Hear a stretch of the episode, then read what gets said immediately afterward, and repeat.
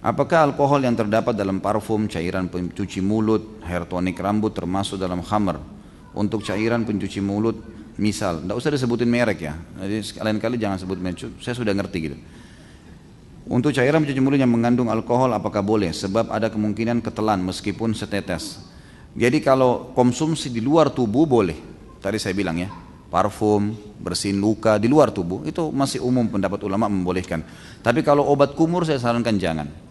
Ada kok banyak. Saya juga pakai obat kumur itu dengan beragam merek dan cari yang bebas alkohol. Ada tulisan bebas alkohol. Insya Allah itu jauh lebih aman. Karena kalau sudah masuk di mulut ini sebetulnya sudah bercampur, berbahaya, bisa ketelan sama ludah, gitu kan? Maka lebih aman tinggalkan, gitu kan? Lebih aman tinggalkan. Jangan ada yang beralkohol.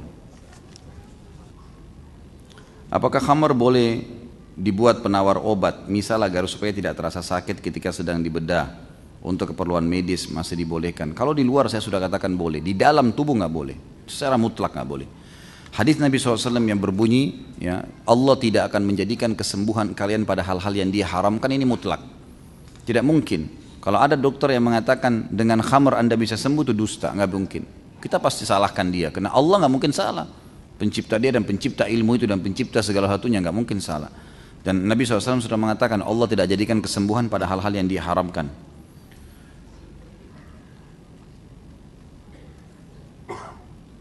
Saya sudah jelaskan juga tadi kandungan alkohol dalam ragi tape ya, kalau masih awal. Lebih aman Anda tinggalkan, lebih aman.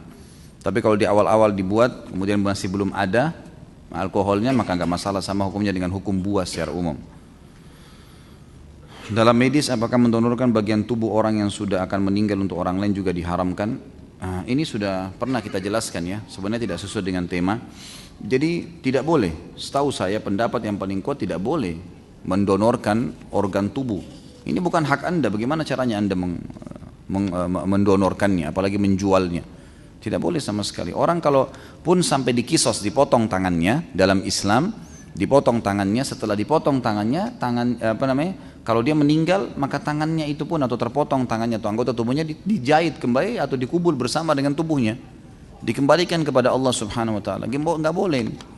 Jangan diikuti cara-cara orang non muslim yang memang mereka melakukan perbuatan-perbuatan untuk e, menjual. Sekarang memang diperjualbelikan itu ya. Saya temukan luar biasa informasi dari paman saya yang tinggal di Malaysia dan memang pertuanya di Singapura.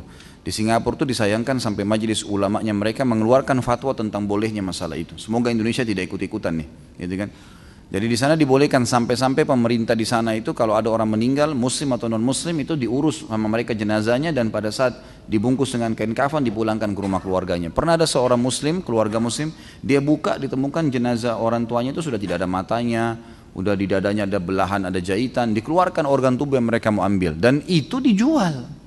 Itu bukan juga diberikan sosial, itu di, di, dikomersialkan dan ini haram. Gimana caranya? Gitu kan? Nggak mungkin ini bukan hak anda, tidak boleh sama sekali.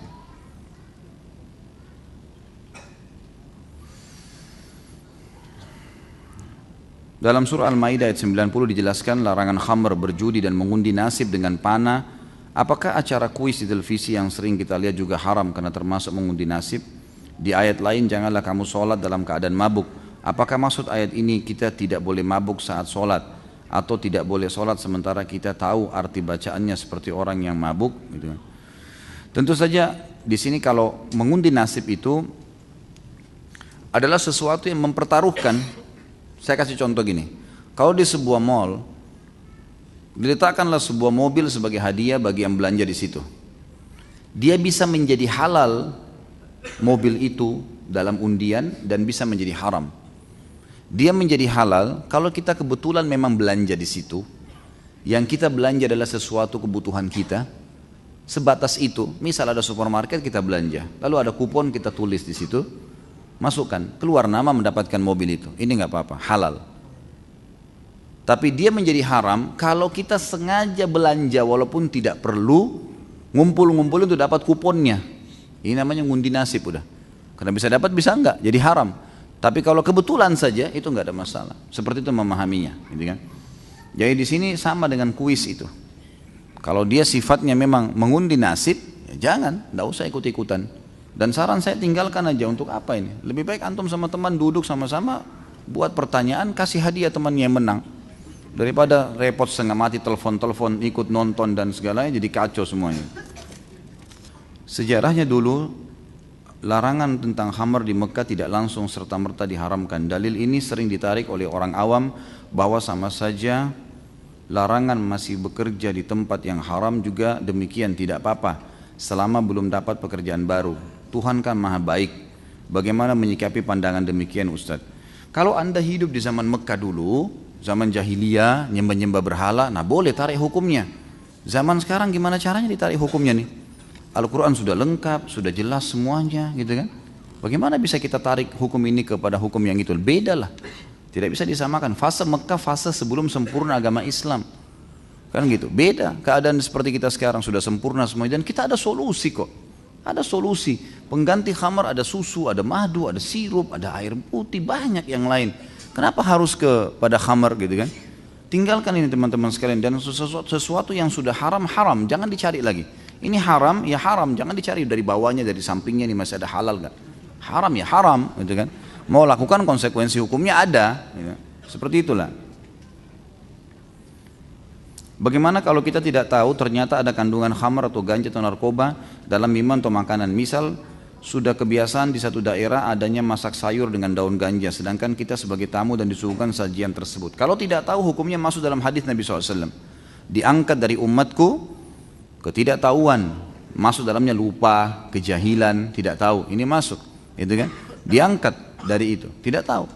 Tapi jangan pura-pura tidak tahu, gitu kan? Itu tidak boleh. Sudah tahu ini kira-kira, kayaknya masyarakat ini biasa pakai daun ganja, nggak apa-apa deh, saya kayak tidak tahu aja, nggak bisa. Haram itu, nggak boleh dibuat-buat, gitu kan? Allah lebih tahu niat anda.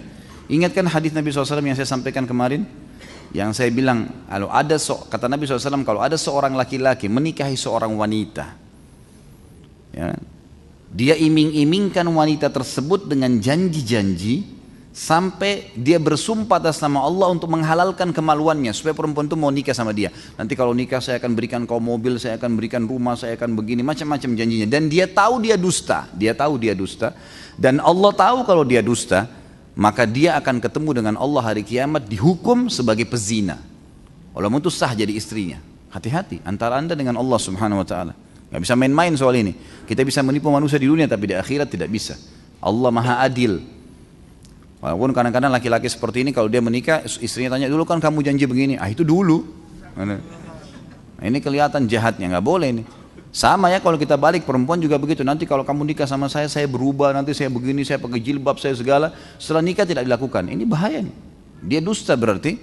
Maka dia bertemu dengan Allah hukumannya hukuman zina. Kalau di dunia dicambuk atau kalau sudah nikah dirajam di akhirat juga disiksa lebih berat lagi di neraka. Lalu kata Nabi SAW dan siapa pun yang meminjam uang dari seseorang meminjam uang. Lalu dia mengiming-imingkan sepemilik piutang ini saya akan bayar, saya pasti saya punya ini, saya punya itu, aset macam-macam disampaikan dan dia bersumpah atas nama Allah sampai pemilik piutang memberikan, pemilik uang memberikan kepada dia utang, dan ternyata dia dusta, dia tahu dia dusta dan Allah tahu dia dusta, dia akan bertemu dengan Allah dihukum sebagai seorang pencuri.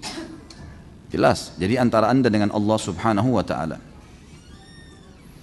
Apakah kandungan alkohol yang terdapat dalam sirup obat batuk juga haram? Tentu saja haram ini, ya. Karena kandungannya sama, alkohol kan? Alkohol ini. Dulu ketika masih anak gaul, saya masih suka nongkrong di kafe-kafe Kemang bersama teman-teman Biasanya saya dicekokin minuman eh, dan lain-lain. Setelah taubat saya di akhirat nanti tidak dapat meminum air susu dari sungai di surga bersama bidadari. Dikarenakan dalam tubuh saya sudah ada kandungan khamar. Kenapa harus sebut bidadarinya nih? harus diselipin sesuatu gitu. Ini muridnya siapa nih? Saya nggak bilang loh Pak Yoyo ya. Jadi tentu saja kalau sudah taubat dimaafkan. Aman kalau sudah taubat gitu kan. Tapi masalahnya jangan tunda taubat. Kita nggak tahu nih kapan meninggal. Nggak ada jaminan kita masih bisa hidup kan. Sekarang teman-teman, ada siapa yang bisa dapat jaminan di sini bisa pulang ke rumahnya sebentar? Gak ada jaminan. Semoga Allah panjangkan umur kita dengan ketaatan. Tapi kita tidak tahu. Ajal bisa datang. Jadi salah kalau ada orang nunda-nunda taubatnya ini nggak bisa. Sama halnya Tidak boleh juga kita berbangga dengan amal yang pernah kita kerjakan. Kata Nabi SAW, janganlah seseorang di antara kalian berkata, dulu, dulu saya pernah sholat malam. Itu dulu, udah dicatat sama malaikat. Sekarang, besok, lusa, buku amal kita tiap hari diterima, dicatat kok oleh para malaikat. Gitu kan? Jadi jangan sampai tunda gitu. Apakah minuman yang berasap itu haram? Apakah minuman shisha yang berasap itu haram? Shisha itu teman-teman banyak Indonesia nggak tahu nih. Itu sama dengan rokok, malah lebih keras dari rokok tuh. Shisha yang sering orang katakan dipakai bara api itu semua itu itu itu di Saudi fatwa ulama jelas dikatakan lebih keras daripada rokok sama hukumnya nggak boleh itu sekarang kan dianggap malah tren di Indonesia ya itu nggak boleh sama sekali itu sama dengan rokok sama ngeluarin asap sama hukumnya nggak boleh Allahu alam ya.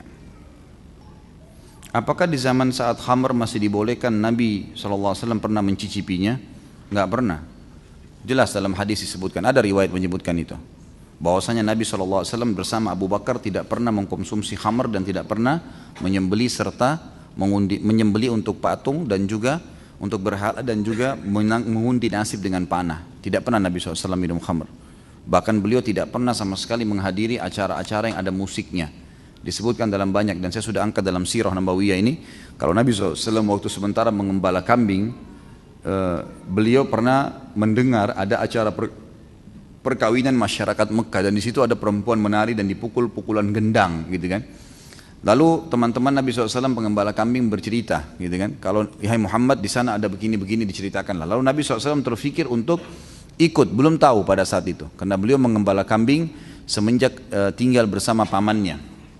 Dari umur 8 tahun itu sampai beliau uh, 22 tahun Sallallahu Alaihi Wasallam beliau mengembala kambing. Jadi cukup lama ya cukup lama beliau mengembala lebih dari 10 tahun. Dan kata Nabi Sallallahu Alaihi Wasallam tidak ada seorang Nabi pun kecuali semuanya mengembala kambing. Keesokan paginya keesokan malamnya pada saat Nabi SAW berpikir untuk datang maka beliau mengatakan saya tiba-tiba dibuat ngantuk oleh Allah Subhanahu wa taala dan saya tertidur dan saya tidak terbangun kecuali matahari sudah terbit di pagi hari. Maka setelah itu saya tidak pernah mendatangi acara-acara yang seperti tadi. Jadi Nabi SAW memang diselamatkan oleh Allah dari khamar, dari berhala, dari semua ibadah-ibadah yang salah yang dibuat oleh orang-orang dahulu itu. Bagaimana hukum pemerintah yang melegalkan minumannya? Tentu saja mendapat dosa. Nggak boleh, haramin. Pemerintahnya akan mendapatkan dosa karena menghalalkan apa yang Allah haramkan. Nggak bisa, harus dilarang. Dan sebenarnya teman-teman sekalian, secara kepemerintahan pun di seluruh dunia itu melarang minuman keras Makanya diberikan peraturan-peraturan yang ketat, gitu kan? Semestinya. Ya, cuma sekarang direkayasa oleh para pebisnis minuman keras ini dengan mengatakan alkoholnya kurang lah, diubah dengan nama-nama yang lain lah. Ini semua masuk dalam hadis Nabi SAW. Akan termasuk dalam tanda-tanda hari kiamat di mana orang-orang eh, apa namanya akan mengganti khamar itu dengan nama yang lain. Berapa takaran dosis alkohol yang boleh dikonsumsi menurut para ulama? Sama saja jawabannya. Kalau dalam tubuh setetes pun nggak boleh. Kalau di luar tubuh boleh. Jangan lagi dibolak-balik ini haram. Ya. Berputar-putar terus cari jalan supaya boleh. Tidak boleh. Haram. Kalau mau boleh datang kepada selain ustadz itu pasti dihalalin tuh. Ya. Setelah minum khamr, apakah amalan sholat fardu selama 40 hari diterima oleh Allah? Itu hadisnya maudhu. Enggak ada hadis yang mengatakan tidak diterima sholat setelah mabuk gitu kan. Tapi yang jelas kalau orang lagi mabuk ya, dia berdosa dengan mabuknya. Bahkan tadi hadis Nabi apa? Siapa yang meninggalkan sholat karena mabuk, maka dapat hukuman kan. Artinya maknanya adalah mafhum mukhalafah yang dalam ilmu fikihnya dikatakan sesuatu yang difaham lawannya daripada pemain itu artinya orang kalaupun mabuk, dia mabuk dia berdosa dan dia tidak boleh tinggalkan sholat. Tidak ada alasan tinggalkan sholat karena dikatakan siapa yang tinggalkan sholat mabuk satu kali, gitu kan? Ada hukumannya. Berarti memang tidak boleh tinggalkan walaupun dalam keadaan mabuk. Jadi tidak bisa jadikan alasan karena ini memang banyak sekali. Ini hadis tidak benar nih.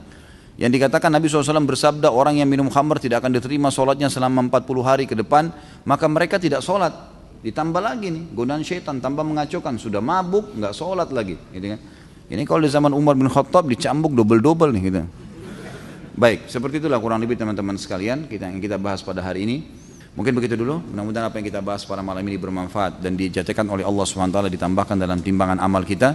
Semoga semua yang belum dapat hidayah dimudahkan dapat hidayah, yang sudah dapat hidayah dimudahkan untuk mengamalkannya dan seluruh muslimin di Palestina, di Syria, di Yaman, di Myanmar, di mana pun mereka berada sedang tertindas. Kita berdoa kepada Allah agar diikhlaskan niat mereka, diterima para syuhada mereka, dimuliakan Islam di tangan mereka dan tangan kita semua dan juga semoga Allah Subhanahu wa taala menyatukan kita semua di surga firdausnya tanpa hisab di mana ia satukan kita di majlis ilmu yang mulia ini. Kalau benar dari Allah, kalau sadar saya mohon dimaafkan. Subhanakallahumma bihamdika asyhadu an la ilaha illa anta astaghfiruka wa atubu ilaik. Wassalamualaikum warahmatullahi wabarakatuh.